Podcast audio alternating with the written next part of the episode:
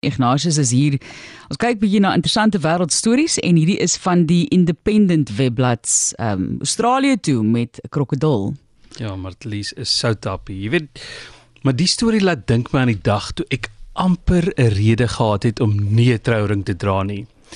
Die eerste naweek weg na Grendeltyd is ek en die gesin op 'n plaas. Daar staan twee slaperige dronk donkies, die dronkies nie donkies en ons gaan kyk die lang ore. Baba op die regterarm vryf ek die donkie wat my aan die ringvinger beet kry. Trek help nie en ek sê vir my vrou vat die baba. Daar's nie tyd verduidelik nie. Ek moet aanvaar ek is besig om 'n vinger te verloor.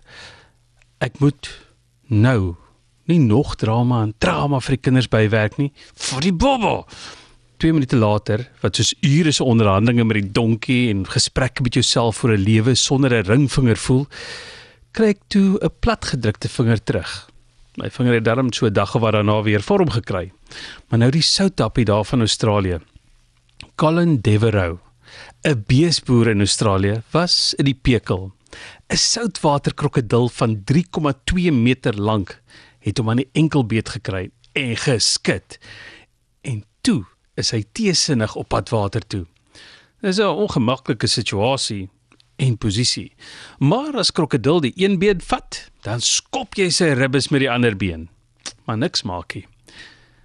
Colin weet van 'n oog vir 'n oog en 'n tand vir 'n tand.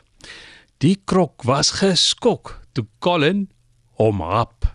Krok het dit nie sien kom nie, maar Colin byt daai krokodil op die oogbank. Toe hy vir Colin 'n prooi in die oog gehad het, was dit figuurlik. Die krokodil kon nie glo hy kry sy eie medisyne nie en sy mond hang oop oor die prooi wat hom looi.